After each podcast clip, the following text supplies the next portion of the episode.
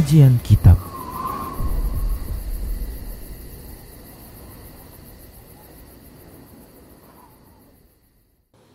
Bismillah, Assalamualaikum warahmatullahi wabarakatuh. Innal hamdalillah Nahmaduhu wa nasta'inuhu wa nastaghfiruh Wa na'udhu billahi min syururi anfusina Wa min sayyiati a'malina. Man yahdihillah fala mudillalah Wa man yudlilhu fala hadiyalah Wa ashadu an la ilaha illallah Wahdahu la sharika lah Wa ashadu anna muhammadan abduhu ورسوله صلى الله عليه وسلم قال الله تبارك وتعالى يا أيها الذين آمنوا اتقوا الله حق تقاته ولا تموتن إلا وأنتم مسلمون يا أيها الناس اتقوا ربكم الذي خلقكم من نفس واحدة وخلق منها زوجها وبث منهما رجالا كثيرا ونساء. واتقوا الله الذي تساءلون به والأرحام إن الله كان عليكم رقيبا. يا أيها الذين آمنوا اتقوا الله وقولوا قولا سديدا. يصلح لكم أعمالكم ويغفر لكم ذنوبكم. ومن يطع الله ورسوله فقد فاز فوزا عظيما اما بعد فان اصدق الحديث كتاب الله وخير الهدى هدى رسول الله صلى الله عليه وسلم وشر الأمور محدثاتها وكل محدثة بدعة وكل بدعة ضلالة وكل ضلالة في النار Para muslim, para hamba Allah rahimani wa rahimakumullah Alhamdulillah kita bersyukur kepada Allah subhanahu wa ta'ala senantiasa dan seterusnya kita bersyukur kepada Allah Subhanahu wa taala atas berbagai kenikmatan dan kebaikan yang telah Allah berikan kepada kita.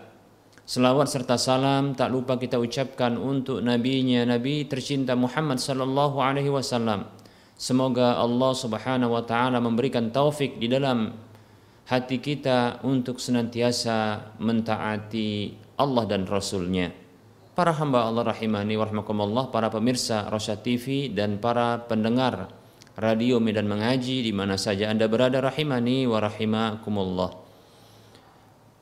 Berikutnya kita akan masuki pembahasan yang baru dalam kitab Minhajul Muslim masih dalam bab akidah yaitu pembahasan tentang beriman dengan kewajiban beramar ma'ruf nahi mungkar serta adab-adabnya. Baik para hamba Allah rahimani wa rahimakumullah.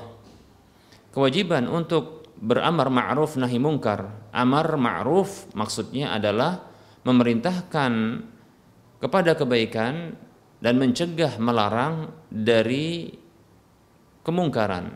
Amar ma'ruf maksudnya adalah memerintahkan dengan kebaikan Wanahi mungkar maksudnya adalah melarang dari kemungkaran. Baik para hamba Allah rahimani wa rahimakumullah.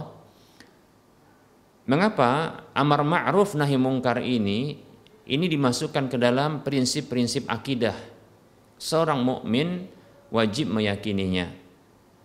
Baik para hamba Allah rahimani wa rahimakumullah, ketahuilah bahwasanya amar ma'ruf nahi mungkar ini merupakan bentuk kepedulian terhadap sesama kaum muslimin untuk senantiasa berada di atas ketaatan kepada Allah Subhanahu wa taala, berada di atas ketaatan kepada Allah dan Rasulnya. Baik para hamba Allah rahimani warahmatullah. Bentuk peduli seorang mukmin terhadap saudaranya adalah senantiasa mengarahkan saudaranya kepada apa saja yang bermanfaat bagi diri mereka dan melarang mereka dari perkara-perkara yang bisa merusak dan membinasakan mereka. Baik para hamba Allah rahimani warahmatullah tentunya ini merupakan bentuk bentuk kecintaan kepada sesama muslim. Dan kita ketahui bahwasanya di antara bentuk keimanan tuntutan keimanan adalah mencintai untuk saudaranya apa yang ia cintai untuk dirinya. Kata Nabi Shallallahu Alaihi Wasallam dalam sebuah hadis yang diriwayatkan oleh Imam Bukhari dan Muslim, beliau Shallallahu Alaihi Wasallam bersabda, "La yu'minu ahadukum hatta yuhibba li akhihi ma yuhibbu li nafsihi." Kata Nabi Shallallahu Alaihi Wasallam, tidak sempurna iman salah seorang di antara kalian sampai ia mencintai untuk saudaranya apa yang ia cintai untuk dirinya. Baik para hamba Allah rahimani warahmatullah.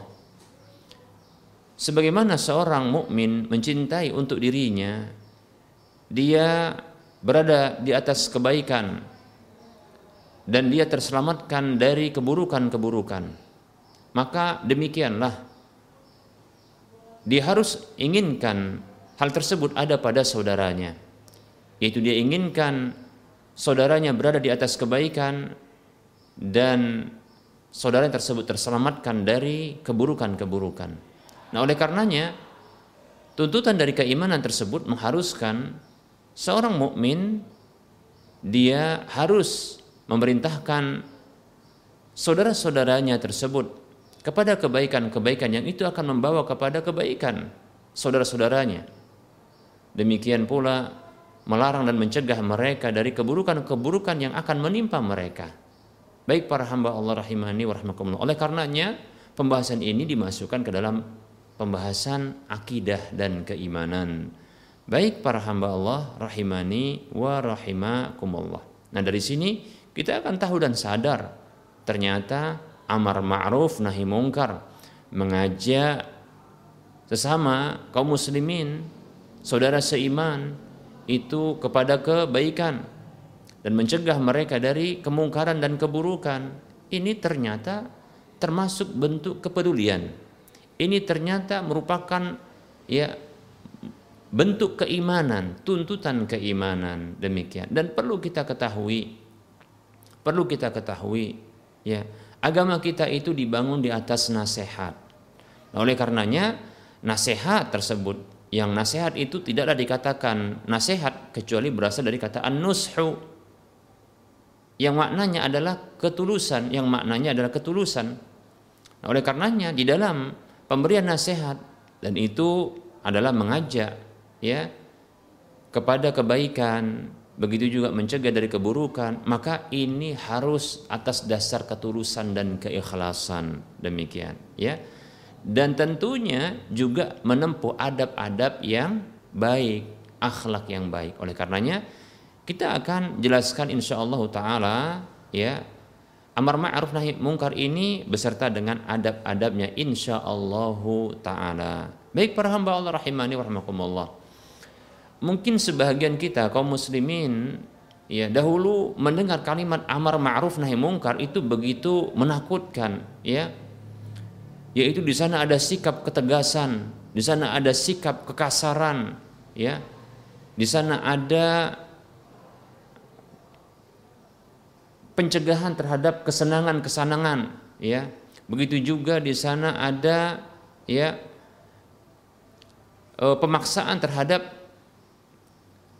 ketaatan-ketaatan. Demikian. Nah ini sesungguhnya pola pikir yang keliru tentunya ya. Tentunya di sini ada mindset ya. Kesalahan dan kekeliruan dalam pola pikir. Nah ini harus diluruskan. Mestinya ketika kita mendapatkan ungkapan amar ma'ruf nahi mungkar ini, maka di sini sesungguhnya ada tuntutan keimanan. Ya. Di sini merupakan bentuk kepedulian. Oleh karenanya ketika saudara kita ternyata dia melakukan salah satu upaya amar ma'ruf nahi mungkar, maka kita harus berikan tanggapan kebaikan. Ya. Bahkan kita support Nah, apabila hal tersebut diarahkan kepada kita, maka kita berbaik sangka kepadanya bahwasanya saudara kita ini sedang peduli dengan kita. Saudara kita ini sedang berempati dengan kita. Dia inginkan kebaikan untuk kita dan dia khawatirkan keburukan menimpa kita. Demikian seperti itu seperti eh, seharusnya dan semestinya, ya. Yang harus ada di benak kita. Demikian. Nah, Begitu juga ketika kita hendak beramar ma'ruf nahi mungkar terhadap saudara kita, maka kita pun kita dasari kita dasari amar ma'ruf nahi mungkar tersebut dengan penuh kelemah lembutan. Dan itu atas dasar kasih sayang. Dan itu merupakan tuntutan keimanan ya. Dan harus dengan ketulusan. Karena amar ma'ruf nahi mungkar termasuk nasihat. Ad-dinun nasihah kata Nabi saw agama itu adalah nasihat. Demikian. Yaitu bentuk ketulusan. Para sahabat bertanya kepada Nabi saw ya liman ya Rasulullah untuk siapa itu ketulusan wahai Rasulullah? Lillahi untuk Allah. Tulus untuk Allah. Wali kitabihi untuk kitabnya. Tulus terhadap pelaksanaan apa yang tertera di dalam kitab kitab Allah Subhanahu wa taala. Wali rasuli dan untuk rasulnya yaitu tulus mentaati rasulnya. Kemudian wali aimmatil muslimin wa ammatihim. Dan tulus juga untuk memberikan nasihat kepada pemimpin-pemimpin kaum muslimin serta mayoritas ya keseluruhan dari kaum muslimin seluruhnya demikian. Jadi penuh dengan ketulusan. Baik, sehingga dalam ketulusan ini ya dengan ketulusan ini dalam amar ma'ruf nahi mungkar dengan ketulusan ini akan menuntut orang yang melakukan amar ma'ruf nahi mungkar itu menempuh adab-adabnya. Demikian para hamba Allah rahimani wa rahimakumullah. Baik kita akan mulai ya penjelasan bahwasanya wajib ya untuk beramar ma'ruf nahi mungkar. Seorang muslim mukmin mengimani tentang wajibnya beramar ma'ruf nahi mungkar. Dan itu kewajiban atas setiap muslim yang e, diberikan beban syariat kemudian mampu ya untuk melakukan dan dia mengetahui tentang kebaikan-kebaikan lalu dia ajak saudaranya ya untuk melakukan kebaikan. Ya. Begitu juga dia mengetahui tentang perkara-perkara keburukan maka dia ajak saudaranya untuk ya meninggalkannya. Ya seperti itu. Baik para hamba Allah rahimani rahimakumullah. Bila seorang mukmin mendapati saudaranya meninggalkan kewajiban maka dia pun mengajaknya untuk melakukan kewajiban tersebut. Ketika ia melihat saudaranya meninggalkan kebaikan-kebaikan, maka dia memotivasi saudaranya tersebut untuk melakukan kebaikan-kebaikan dan ketaatan-ketaatan tersebut. Sebagaimana ketika dia melihat saudaranya meninggalkan e, melakukan keburukan-keburukan dan dosa-dosa, larangan-larangan, ya, kemungkaran-kemungkaran, ya, dan dia mengetahui itu kemungkaran, maka dia pun ya berdasarkan kemampuan dan diiringi dengan adab-adabnya maka dia pun ya berusaha untuk merubahnya dengan cara yang baik yaitu mencegah saudaranya dari kemungkaran tersebut. Baik itu dengan kekuasaannya bila dia memiliki memiliki kekuasaan tersebut atau dengan lisannya apabila dia mampu untuk menjelaskannya. Baik para hamba Allah rahimani wa rahimakumullah.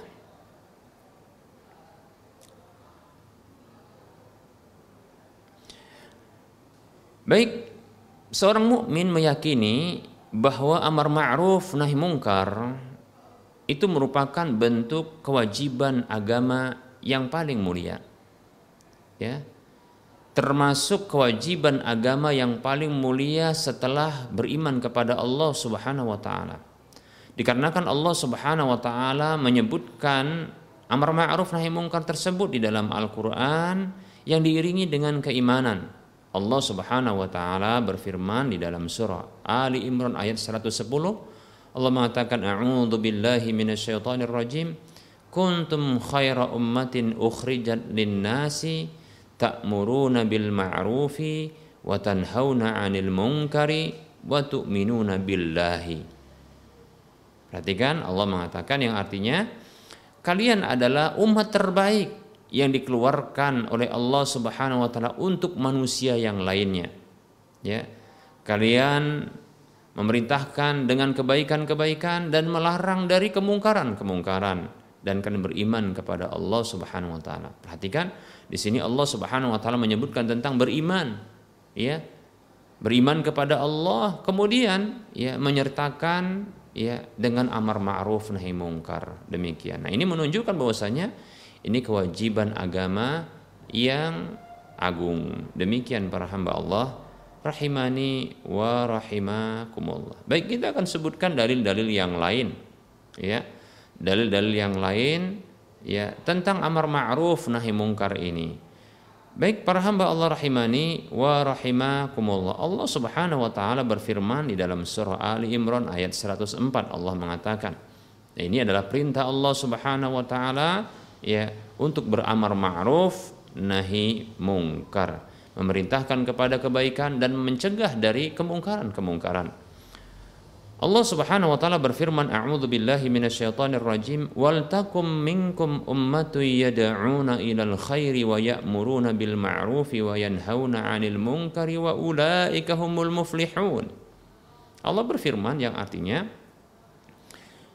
dan hendaklah ada di antara kalian satu umat yang mengajak kepada kebaikan, yang mengajak ya, yang me menyeru kepada kebaikan dan memerintahkan manusia dengan kebaikan ya dan mencegah manusia dari kemungkaran. Mereka itulah orang-orang yang beruntung ya. Mereka itulah orang-orang yang beruntung. Baik para hamba Allah rahimani warahmatullah nah di sini Allah Subhanahu wa taala ya perintahkan ya Allah perintahkan dengan bentuk ya eh, penyertaan ada lamul amr ya. Wal takum. Ya hendaklah ada. Ini perintah demikian para hamba Allah rahimani wa rahimakumullah ya. Cuma memang para ulama berbeda pendapat. Apakah perintah amar ma'ruf nahi mungkar ini adalah fardu ain ataukah fardu kifayah? Ya. Perintah ini apakah perintah yang sifatnya wajib ataukah sifatnya anjuran? Nah itu ada perbedaan pendapat di kalangan para ulama ya. Ada yang berpendapat bahwasanya hukumnya adalah wajib bukan sunat ada yang mengatakan sunat ya. Ada yang mengatakan hukumnya adalah wajib maka itu wajib pun terbagi dua ya. Ada yang mengatakan berpendapat itu fardu ain ada yang mengatakan fardu kifayah. Demikian para hamba Allah rahimani wa rahimakumullah ya.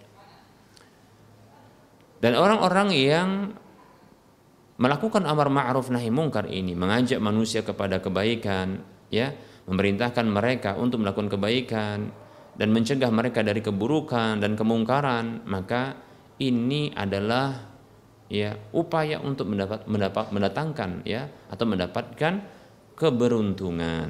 Baik para hamba Allah rahimani wa rahimakumullah. Jadi beruntung orang-orang yang melakukan amar ma'ruf nahi mungkar ya. Karena ini akan ya tercegahnya ya keburukan-keburukan.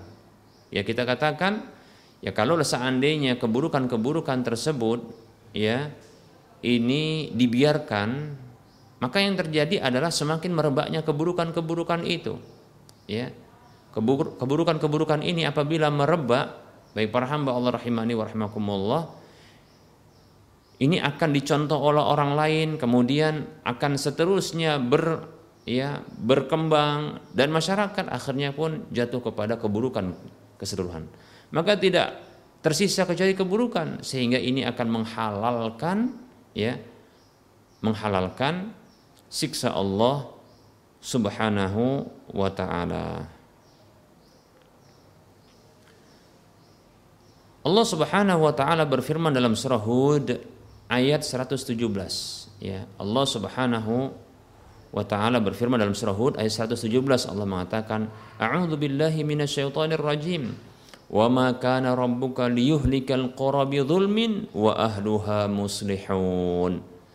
Tidaklah pantas bagi Rabbmu yaitu Allah Subhanahu wa taala untuk menghancurkan negeri-negeri secara zalim atau dikarenakan kedoliman mereka yang mereka lakukan tersebut wa ahluha muslihun sementara penduduknya itu melakukan perbaikan. Apa bentuk perbaikan?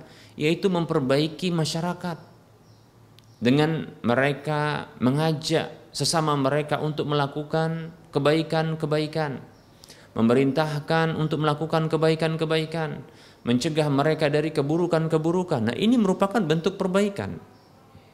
Nah, bila ada ya, bila ada orang-orang yang seperti ini di satu negeri, maka ketahuilah penduduk negeri tersebut sedang melakukan perbaikan.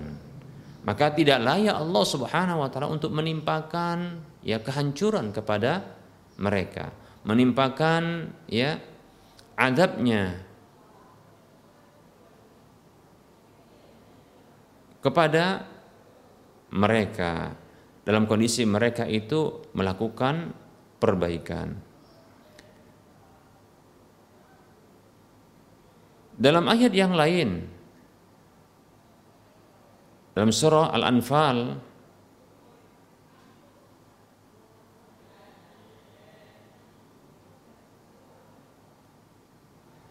Allah Subhanahu wa taala berfirman Surah Al-Anfal ayat 33 Allah mengatakan A'udzu billahi minasyaitonir rajim. Wa ma kana Allah liyu'adzibahum wa anta fihim wa ma kana Allah. Allah Subhanahu wa taala berfirman tidak pantas Allah Subhanahu wa taala untuk mengadab mereka sementara engkau ada di tengah-tengah mereka. Engkau di sini maksudnya adalah Nabi Muhammad sallallahu alaihi wasallam. Ya, Wa ma kana Allah mu'adzibahum wa hum yastaghfirun dan tidak pantas Allah Subhanahu wa taala mengadab mereka dalam kondisi mereka beristighfar. Baik para hamba Allah rahimani wa rahmakumullah. Jika ada Rasulullah sallallahu alaihi wasallam di satu negeri ya yang Rasulullah sallallahu alaihi wasallam memiliki tugas untuk memperbaiki umat ini mengajak mereka kepada kebaikan memerintahkan mereka kepada ketaatan, mencegah mereka dari keburukan, melarang mereka dari kemungkaran. Bila ada Rasulullah yang punya tugas seperti ini dan tentunya disamakan dengan itu adalah orang-orang yang bertugas seperti Rasulullah ini atau orang yang mengambil tugas Rasulullah ini yang tadi sudah kita sebutkan di ayat sebelumnya ya bahwasanya surah Hud ayat 117 ada orang-orang melakukan perbaikan maka Allah tidak layak untuk menghancurkan negeri tersebut. Dan Allah tidak akan ya menimpakan siksanya kepada satu negeri kepada manusia-manusia yang mereka di sana ada orang-orang yang melakukan perbaikan. Mengajak manusia kepada kebaikan-kebaikan. Memerintahkan mereka kepada ketaatan-ketaatan, mencegah mereka dari keburukan-keburukan, melarang mereka dari kemungkaran-kemungkaran. Baik para hamba Allah rahimani wa rahimakumullah. Nah, ini keuntungan yang besar yang didapatkan dari amar ma'ruf nahi mungkar. Allah Subhanahu wa taala tidak akan menghancurkan mereka. Allah tidak akan menyiksa mereka dengan siksa dunia tentunya ya ya secara merata demikian ya begitu juga itulah ya merupakan bentuk uh, firman Allah atau bukti dari firman Allah bahwasanya amar ma'ruf nahi mungkar ini amar ma'ruf nahi mungkar ini akan mendatangkan ya keberuntungan. Wa ulaika humul muflihun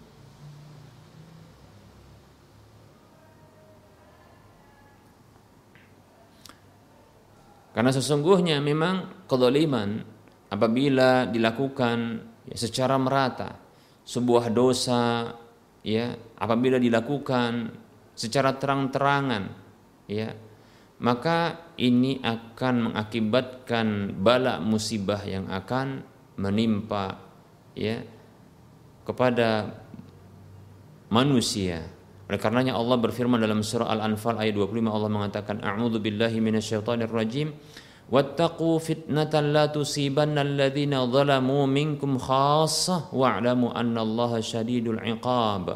Allah berfirman dan takutlah kalian terhadap ujian, cobaan, siksaan ya atau kita katakan adalah musibah yang tidaklah hanya menimpa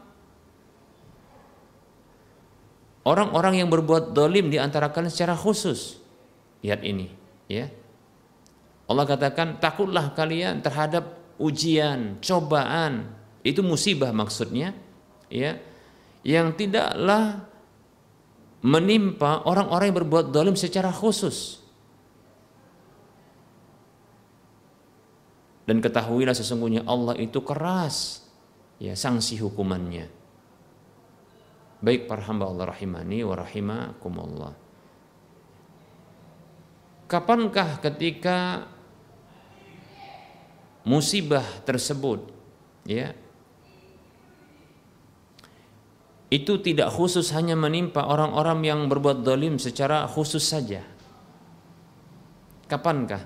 Yaitu ketika ya ketika kemaksiatan-kemaksiatan dan kemungkaran-kemungkaran tersebut dibiarkan. Kemungkaran-kemungkaran tersebut ya dibiarkan, ditampakkan dan tidak ada ya tidak ada satupun dari manusia yang mengingkarinya.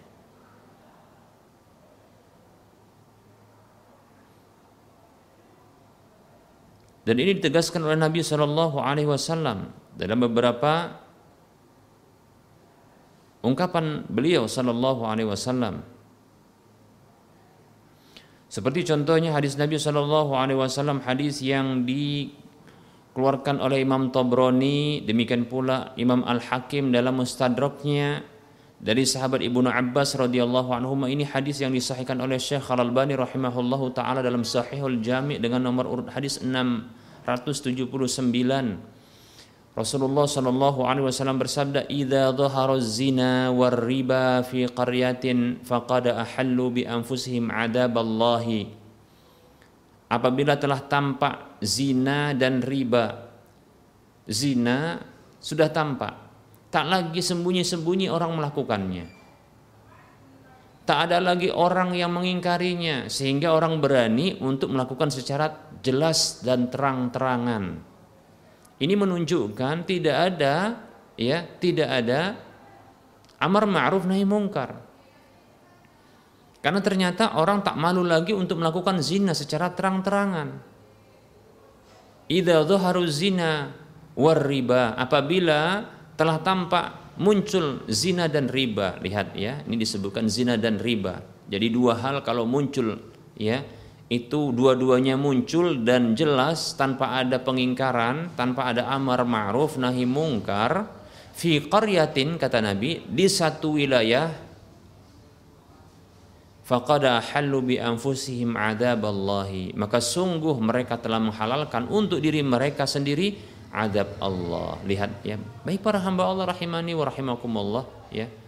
Nah di sini pentingnya amar ma'ruf nahi mungkar. Oleh karenanya sesungguhnya amar ma'ruf nahi mungkar apabila dilakukan oleh seorang muslim untuk saudaranya dan itu dengan adab-adabnya maka hendaknya saudara muslim yang lainnya itu berprasangka baik dengan mereka. Bahkan ya mestinya yang ada hanyalah dukungan ya.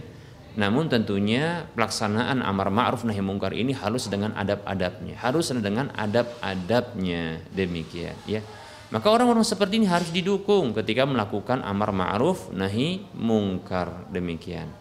Baik para hamba Allah rahimani wa Ternyata amar ma'ruf nahi mungkar ini bila dilakukan nah ini akan menyebabkan ya terselamatkan satu wilayah tersebut dari adab Allah Subhanahu wa taala. Demikian.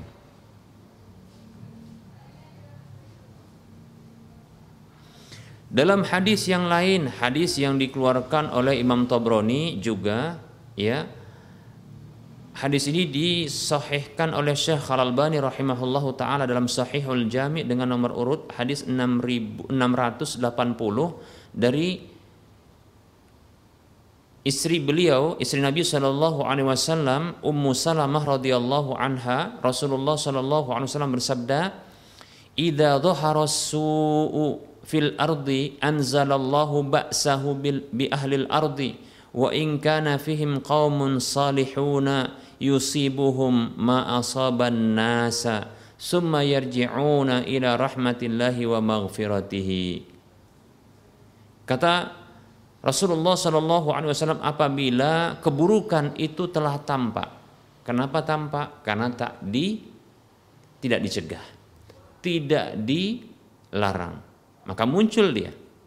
Ini menunjukkan tidak ada tidak ada lagi amar ma'ruf nahi mungkar, ya. Apabila muncul keburukan-keburukan itu di permukaan bumi, ya, maka Allah turunkan siksanya bagi penduduk bumi tersebut. Walaupun ya di tengah-tengah mereka itu ada orang-orang yang saleh, maka menimpa mereka apa yang menimpa manusia yang lainnya. Lihat jadi orang-orang soleh pun kalau dia tidak melakukan amar ma'ruf nahi mungkar, tidak mengajak manusia kepada kebaikan dan tidak mencegah manusia dari keburukan, yang terjadi adalah turunnya adab Allah Subhanahu wa taala kepada mereka secara merata, termasuk kepada orang-orang soleh tersebut. Termasuk kepada orang-orang soleh tersebut. Akan menimpa mereka apa yang menimpa manusia pada umumnya summa yarji'un ila rahmatillah. Kemudian mereka akan kembali kepada rahmat Allah wa maghfiratihi dan ampunan Allah Subhanahu wa taala. Baik para hamba Allah rahimani wa rahimakumullah. Demikian ya. Seperti itu. Nah, ini manfaat besar dari amar ma'ruf nahi mungkar. Baik para hamba Allah rahimani wa rahimakumullah. Kita cukupkan terlebih dahulu untuk penyampaian kita pada pertemuan kali ini dan insya Allah taala kita akan lanjutkan pada waktu mendatang. Kita buka sesi soal jawab ya. Kita buka sesi soal jawab bagi para pemirsa yang ingin ya bertanya hari ini kita tidak membuka layanan e, interaktif. E, silahkan kirimkan pertanyaan Anda lewat tulisan chatting WhatsApp ke nomor ya 08 52 61 90 4177 ya 08 52 61 90 41 77. Baik, kita akan mencoba untuk menjawab pertanyaan yang telah masuk ya.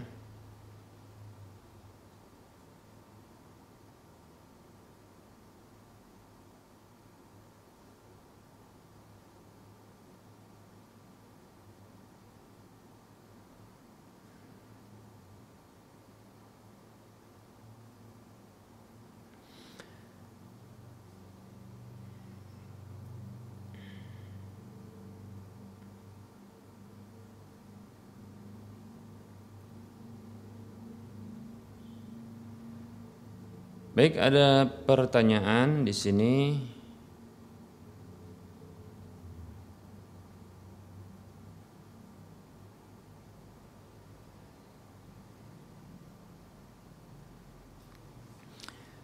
Assalamualaikum Ustadz. Maaf mau bertanya Gimana kita melihat Diri kita?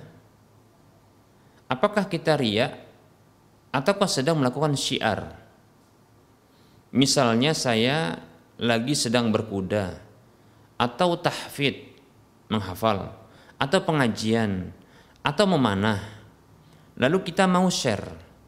Kadang hati bertanya ini ria atau tidak ya? Tapi kalau tidak di share ya nanti uh, hati kita bertanya-tanya ini kan syiar ya. Kenapa kok tidak di share gimana ya Ustadz strateginya? Syukron. Ya baik ya Ini pertanyaan bagus ini, masya Allah ya. Baik. Waalaikumsalam warahmatullahi wabarakatuh. Perlu diketahui bahwasanya ria sebagaimana yang didefinisikan oleh Al-Hafidh Ibnu Hajar Al-Asqalani rahimahullahu taala, ar-riya ria itu adalah idharul ibadati liqasdin nasi liqasdi ru'yatin nasi 'alaiha fayuhmada 'alaiha. Ya, kita ulangi. Ria itu adalah idharul ibadati, yaitu menampakkan ibadah liqasdi ru'yatin nas ya untuk tujuan dilihat manusia fayuhmada 'alaiha lalu dia dipuji karenanya. Baik inilah dia disebut dengan ria ya tujuannya adalah dilihat lalu akhirnya adalah keinginan dipuji. Demikian. Itu ria yang semisal dengan itu adalah sum'ah. Sum'ah. Namun sum'ah ini melibatkan bukan penglihatan tapi melibat, melibatkan ya indera pendengaran. Seperti orang yang membaca Al-Qur'an ya yang ingin diperdengarkan, ingin dengar orang lain, ingin diperdengarkan kepada orang lain, lalu dia dipuji karenanya. Demikian ya. Nah, ini disebut dengan sum'ah. Keduanya sama-sama bisa menggugurkan dan membatalkan pahala ibadah yang terjangkiti ria atau sum'ah tersebut. Demikian. Baik para hamba Allah rahimani wa Lalu bagaimana dengan syiar? Syiar. Syiar itu artinya e, menampakkan ya, tapi tujuannya adalah untuk motivasi. Baik. Nah, tentunya ditinjau dari niatnya. Perbedaan kedua hal ini adalah niatnya. Niatnya. Hanya saja memang sulit ya, sulit untuk bisa eh, menjaga dan mengendalikan niat itu karena sebagaimana yang disampaikan oleh uh, salah seorang dari ulama ya kalau tidak salah namanya adalah Sufyan uh, seorang uh, tabiin ya Sufyan ibnu Uyainah ya atau Sufyan as-Sauri ya. rahimahullahu taala beliau mengatakan ma'alajtu syai'an asyadda min niyati fa tataqallabu alayya. Tidak ada sesuatu yang paling berat bagiku untuk aku kendalikan ketimbang niatku karena sesungguhnya dia itu berbolak-balik. Memang ya kita katakan bahwasanya niat ikhlas itu berat karena niat itu letaknya di dalam hati. Hati tidaklah dikatakan hati kecuali dia disebut dengan kalbun dan dia punya sifat takallubun yaitu berbolak-balik. Untuk saat ini okelah okay kita bisa untuk ikhlas ya dengan maksud tadi untuk motivasi ya syiar ya. Tapi ternyata berikutnya kita ternyata berikutnya kita ini malah ria demikian ya. Sebuah ibadah dilakukan tujuannya untuk motivasi, maka tentunya dia ditampakkan. Ya, ditampakkan. Oleh karenanya Allah pernah mengatakan, "Intu bedus sadaqati fa Kalau kalian tampakkan sedekah-sedekah kalian itu baik, maksudnya adalah untuk motivasi. Tapi yang terbaik kata Allah Subhanahu wa taala berikutnya, wa in tukhfuha wa tu'tuhal fuqara fa huwa khairul lakum wa yukaffiru ankum sayiatikum. Namun apabila kalian sembunyikan sedekah tersebut lalu kalian berikan kepada orang fakir miskin, maka itu lebih baik bagi kalian. Kenapa lebih baik? Karena dia lebih menjaga hati dan itu bisa menghapuskan dosa-dosa kalian, kesalahan kalian. Demikian, seperti itu. Ya. Tidak masalah untuk menampakkan sebuah ibadah dengan maksud untuk motivasi. Ya. Baik, Para hamba Allah rahimani warahmatullah. Permasalahannya adalah begini, sanggup nggak kita untuk menjaga seterusnya keikhlasan tersebut? Kalau tidak sanggup, sementara sekali ber Sufyan As-Sauri saja rahimahullah taala itu merasakan berat. Lalu bagaimana kita merasakan tenang? Ya. Maka lebih aman memang menyembunyikan ibadah tersebut, tidak menampakkannya, menyembunyikan ibadah tersebut, tidak menampakkannya. Nah, masalahnya kita ingin motivasi. Nah, ada trik, ada cara bagaimana kita ya memotivasi orang lain. Yaitu dengan cara kita menyampaikan motivasi dalam Al-Quran maupun hadis Nabi Shallallahu Alaihi Wasallam tanpa kita memberikan motivasi dengan kita sendiri yang melakukan ibadah itu. Karena apabila kita yang melakukan sendiri ibadah tersebut yang terjadi adalah kita khawatirkan kita jatuh kepada ria. Ya. Nah, caranya adalah kita motivasi kaum muslimin orang lain untuk melakukan ibadah tersebut tanpa harus menunjukkan ibadah kita. Kan bukan satu-satunya untuk memberikan motivasi harus menunjukkan ibadah yang kita lakukan, bukan. Bukan satu-satunya motivasi itu, syiar itu ya dengan cara ya kita syiar maksudnya menunjukkan kepada orang agar orang termotivasi. Ya. Kalau syiar itu, kalau kita lakukan itu sudah syiar sesungguhnya. Ya. Contohnya ketika kita sedang berkuda, ketika kita sedang berkuda, atau kita ketika kita sedang melakukan amal ibadah, bukankah itu sedang syiar? Ya. Baik tampak ataupun tidak tampak bagi orang lain. Ya. Contoh kita ingin syiar contohnya memanah, berkuda dan yang lainnya ini merupakan sunnah Nabi. Nah, dengan kita banyak berkunjung kepada orang ketika itu, uh, berkunjung kepada uh, di tempat berkuda tersebut, bukankah ini semakin akan membuat uh, apa namanya uh, motivasi bagi orang lain untuk apa? Untuk hadir. Ternyata apa? Tempat berkuda ini banyak pengunjungnya, tanpa kita harus share. Tapi dengan kehadiran kita saja itu sudah syiar. Karena seterusnya bertahan demikian. Tanpa kita harus memfoto diri kita, menampakkan kegiatan ya eh, kebaikan kita tersebut kepada orang lain, memfotonya, menguploadnya di sosial media. Nah ini kekhawatiran tidak ikhlas. Ya. Lalu bagaimana? Iya, cukup hadir, ya itu sudah membuat semarak, ya sunnah Nabi tersebut, ya. Apa saja dari sunnah-sunnah Nabi kita kerjakan tanpa kita mengupload ya. Lalu bagaimana kita motivasi orang lain? Ya kita motivasi orang lain dengan Al-Quran dan hadis Nabi Shallallahu Alaihi Wasallam ya.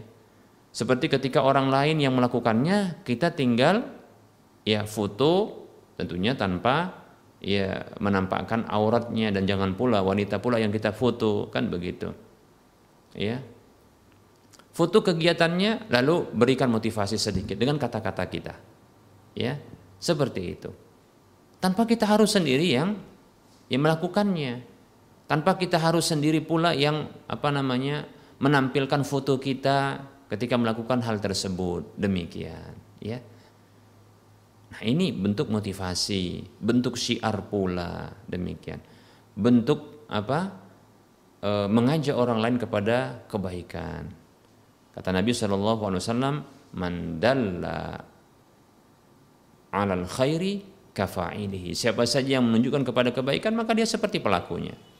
Kata Nabi dalam hadis yang lain, ya, "Man da'a ila hudan kana lahu minal ajri mithlu ujuri man tabi'ahu la yanqusu dzalika min ujurihim syai'a." Siapa saja yang mengajak kepada petunjuk hidayah, ya kebaikan, ketaatan, maka dia mendapatkan pahala dari orang yang mengikutinya tanpa mengurangi pahala orang yang mengikuti itu sedikit pun. Lihat, hadisnya sahih riwayat Bukhari Muslim. Seperti itu.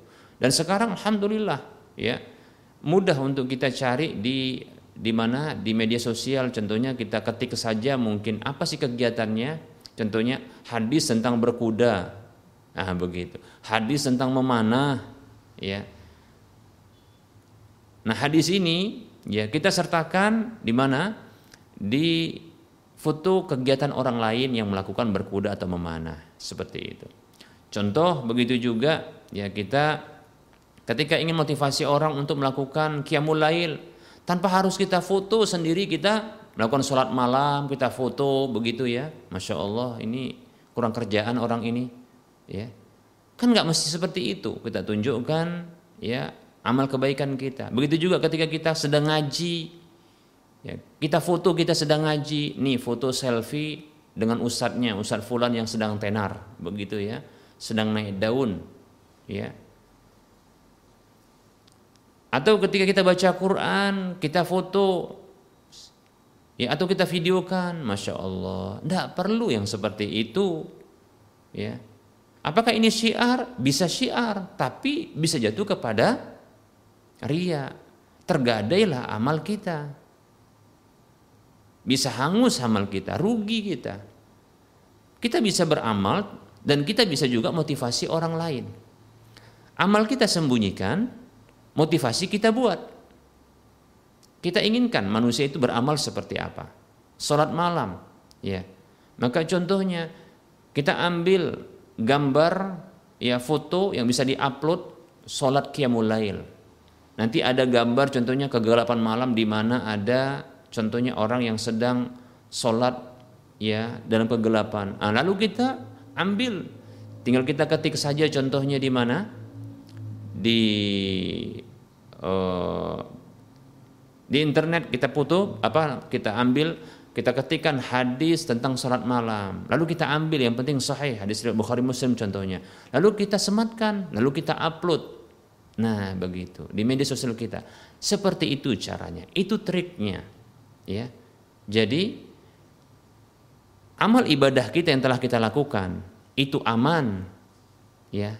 Dari ria ya tanpa kita harus upload dan kita beritahu orang lain aman dari riak dan sum'ah sudah. Kemudian kita bersama dengan itu bisa melakukan motivasi kepada orang lain.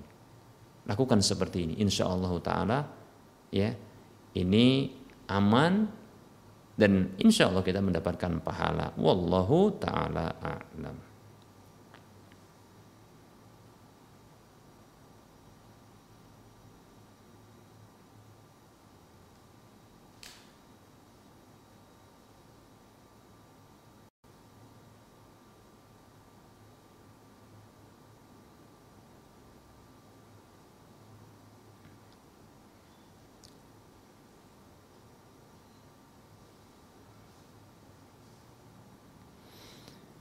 Berikutnya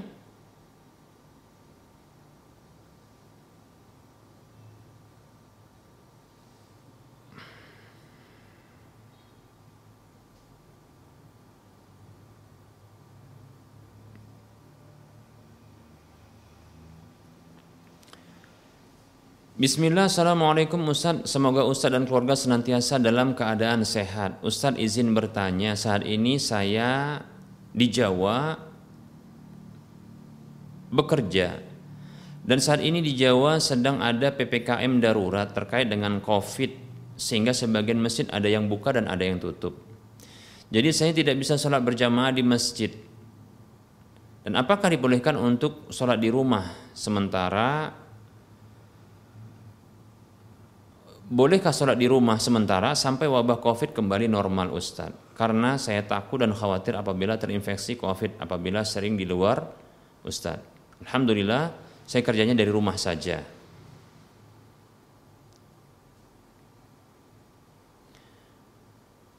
Waalaikumsalam warahmatullahi wabarakatuh. Semoga sang penanya beserta dengan keluarga dalam kondisi sehat dalam perlindungan Allah Subhanahu wa taala dalam kebaikan di mana saja berada begitu juga kaum muslimin seluruhnya amin ya rabbal alamin Ya tentunya dalam hal ini ya sholat berjamaah di masjid ya para ulama kan berbeda pendapat ya.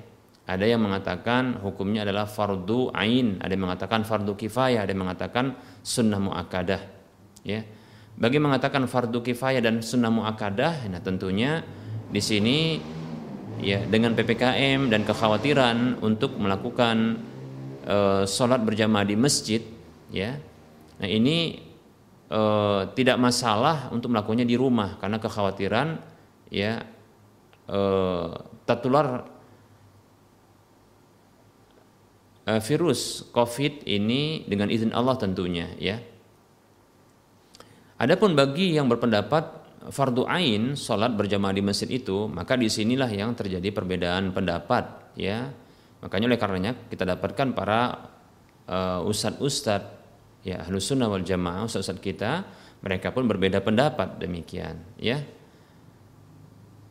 Wallahu taala alam eh, saya pribadi ketika ditanya seperti ini maka tentunya tadi dengan merinci ya. Tapi kalau saya ditanya pendapat pribadi ya bagaimana menyikapi hal seperti ini?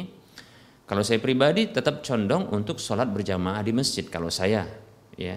Kalau saya ditanya maka saya pribadi pelaksanaan saat ini saya tetap sholat berjamaah di masjid ya ya dengan protokol kesehatan tentunya seperti memakai masker ya kemudian eh, senantiasa menggunakan pakaian yang berbeda, contohnya dalam rumah dengan di luar rumah, ya.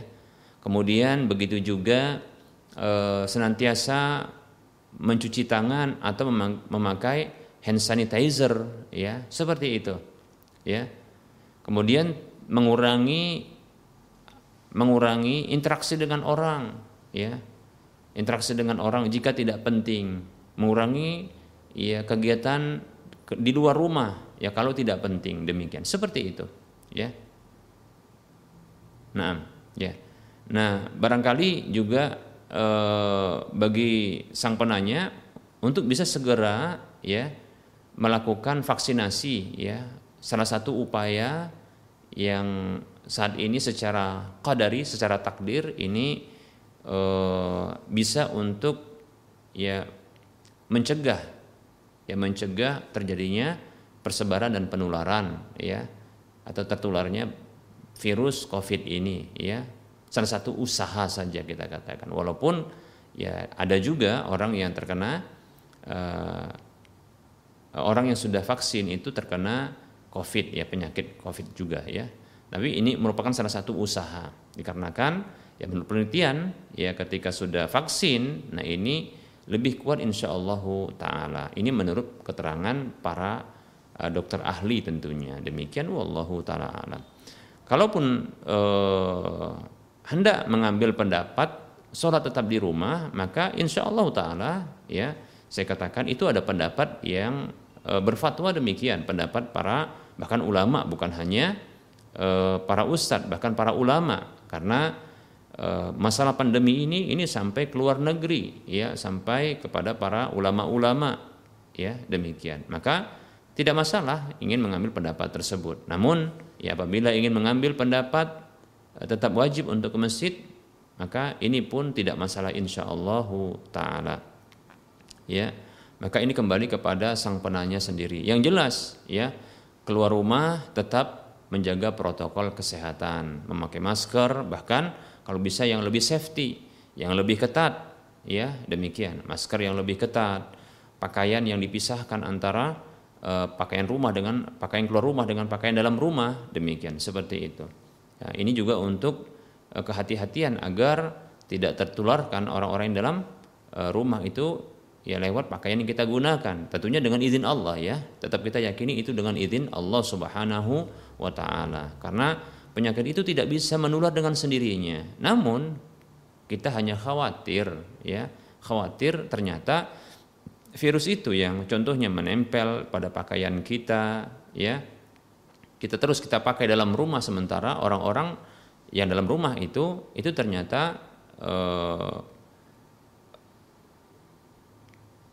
aslinya steril namun ternyata kita tidak steril itu akhirnya bisa berpindah dengan izin Allah ya. Lalu Allah takdirkan untuk sakit. Nah ini tentunya kan kita tidak inginkan yang demikian. Oleh karenanya ini salah satu usaha dan cara kita untuk ya memutus mata rantai persebaran COVID ya virus COVID-19 ini. Demikian ya. Nah cuci tangan senantiasa ya. Kemudian e, berganti pakaian kalau bisa juga mandi barangkali kan seperti itu. Nah senantiasa ya Eh, barangkali bisa memakai hand sanitizer ya membawa hand sanitizer demikian ya. Silakan anda memilih pendapat ini demikian. Bagi anda yang barangkali ingin uh, mendahulukan perintah Allah dan Rasulnya dengan tetap sholat ke masjid ya seperti itu. Ketimbang ya apa namanya uh, ketetapan manusia untuk sholat di rumah ya anda dahulukan untuk sholat ya di masjid karena itu perintah Allah dan Rasul, maka silahkan tidak masalah. Tapi ingat tetap jaga ya protokol kesehatan ya. Kalaulah contohnya Anda itu imun, imunnya kuat, belum tentu orang lain itu kuat ya dengan izin Allah Subhanahu wa taala bisa jadi terinfeksi demikian. Karena kita dapatkan juga secara eh, penglihatan kita sesuatu yang bisa kita indra, banyak orang meninggal disebabkan Covid ini dengan izin Allah tentunya. Ya. Seperti itu. Oleh karenanya ya kita harus ya berhati-hati Ya, jangan sampai kita memudaratkan saudara kita. Wallahu taala alam.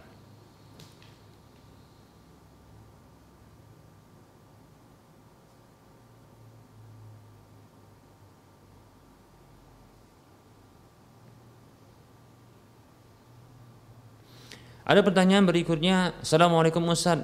Maaf Ustaz, ingin bertanya. Saya punya teman, Alhamdulillah juga seakidah dan juga dia ditunjuk sebagai imam. Dia ditunjuk sebagai imam masjid di tempat tinggal saya. Hanya saja dia belum bisa lepas dari rokoknya Ustaz, yaitu maksudnya merokok ya. Yang ingin saya tanyakan, apakah saya tetap boleh bermakmum dengan dia sementara di masjid itu sementara masjid yang lain itu banyak bid'ahnya. Baik ya. Ini pertanyaan pertama, yaitu oh, mana yang harus dipilih? ya apakah sholat di belakang makmum yang suka merokok uh, di belakang imam yang suka merokok ataukah pindah masjid demikian pertanyaan kedua mana yang lebih utama sholat di masjid yang jamaahnya sedikit tapi dia uh, banyak sunnahnya atau lebih banyak jamaahnya tapi banyak bid'ahnya mohon jawabannya Ustaz jazakallahu khairah Waalaikumsalam warahmatullahi wabarakatuh. Wa anta fajazakallahu khaira. Semoga Allah Subhanahu wa taala memberikan kebaikan kepada sang penanya di mana saja berada.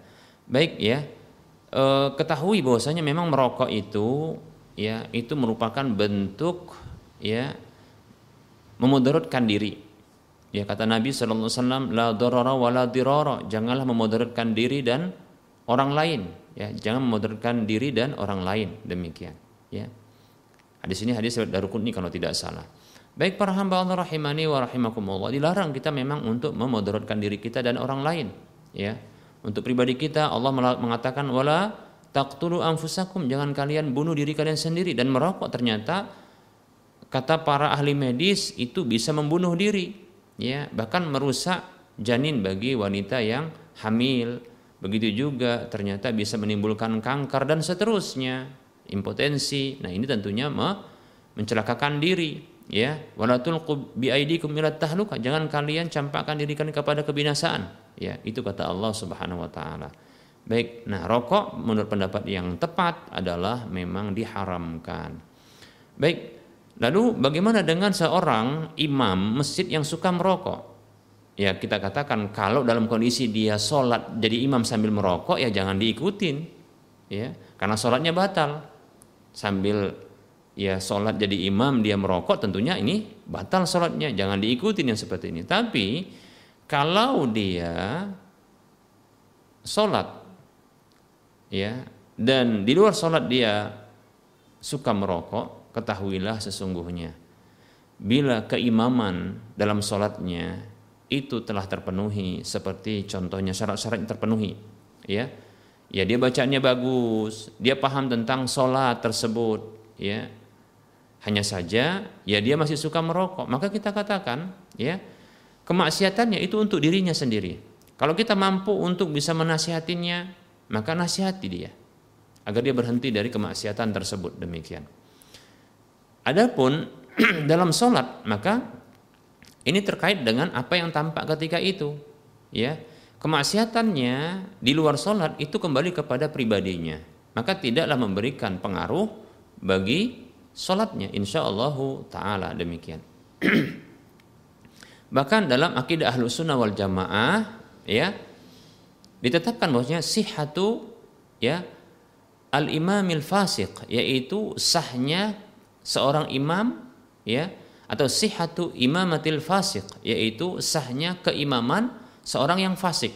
Maksudnya orang yang berbuat kemaksiatan, yang suka berbuat kemaksiatan, itu sah kalau jadi imam, itu maksudnya. Sah, ya.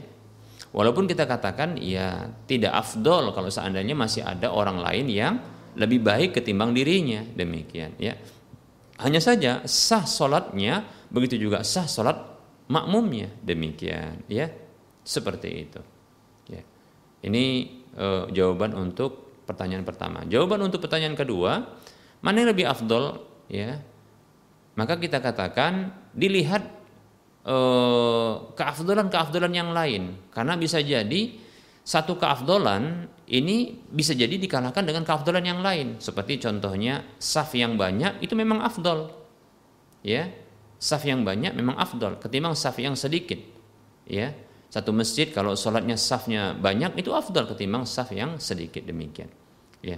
Tapi dari sisi bacaan imamnya bisa jadi ya yang sedikit tadi bacaannya lebih bagus ya. Bahkan imam tersebut lebih layak memang untuk jadi imam ketimbang makmum yang ada. Maka ini lebih afdal ketimbang contohnya kalau di masjid yang banyak safnya tapi ternyata ya rusak bacaannya. Demikian ya, seperti itu. Maka ini tinggal dilihat hal-hal pendukung yang lainnya. Keafdalan itu banyak sekali ya. Wallahu taala a'lam. Baik, kita cukupkan untuk penyampaian materi pada pertemuan kali ini beserta dengan menjawab pertanyaan yang telah masuk. Tentunya dalam penyampaian ini banyak kesalahan dan kekeliruan kepada Allah saya mohon ampun dan kepada para pemirsa dan para pendengar sekalian saya mohon maaf. Eh, kebenaran maka ambillah, kesalahan maka tinggalkanlah.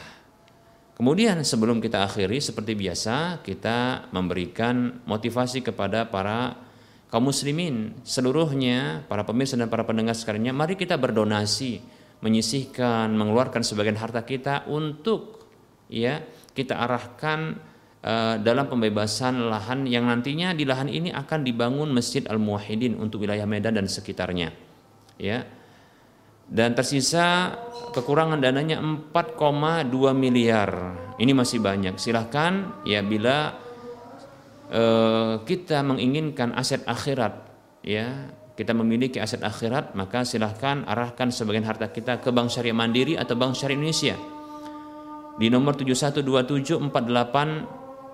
5 5 5 5. Saya ulangi, Bank Syariah Mandiri atau Bank Syariah Indonesia di nomor 7127 485 555 atas nama Yayasan Lajnah Dakwah Medan kode bank 451. Semoga kita semua termotivasi dan semoga bermanfaat. wassalamualaikum warahmatullahi wabarakatuh wa ala alihi wa ashabihi ajma'in. Subhanakallahumma wa bihamdika ashadu an la ilaha illa anta astaghfiruka wa atubu ilaika walhamdulillahi rabbil alamin.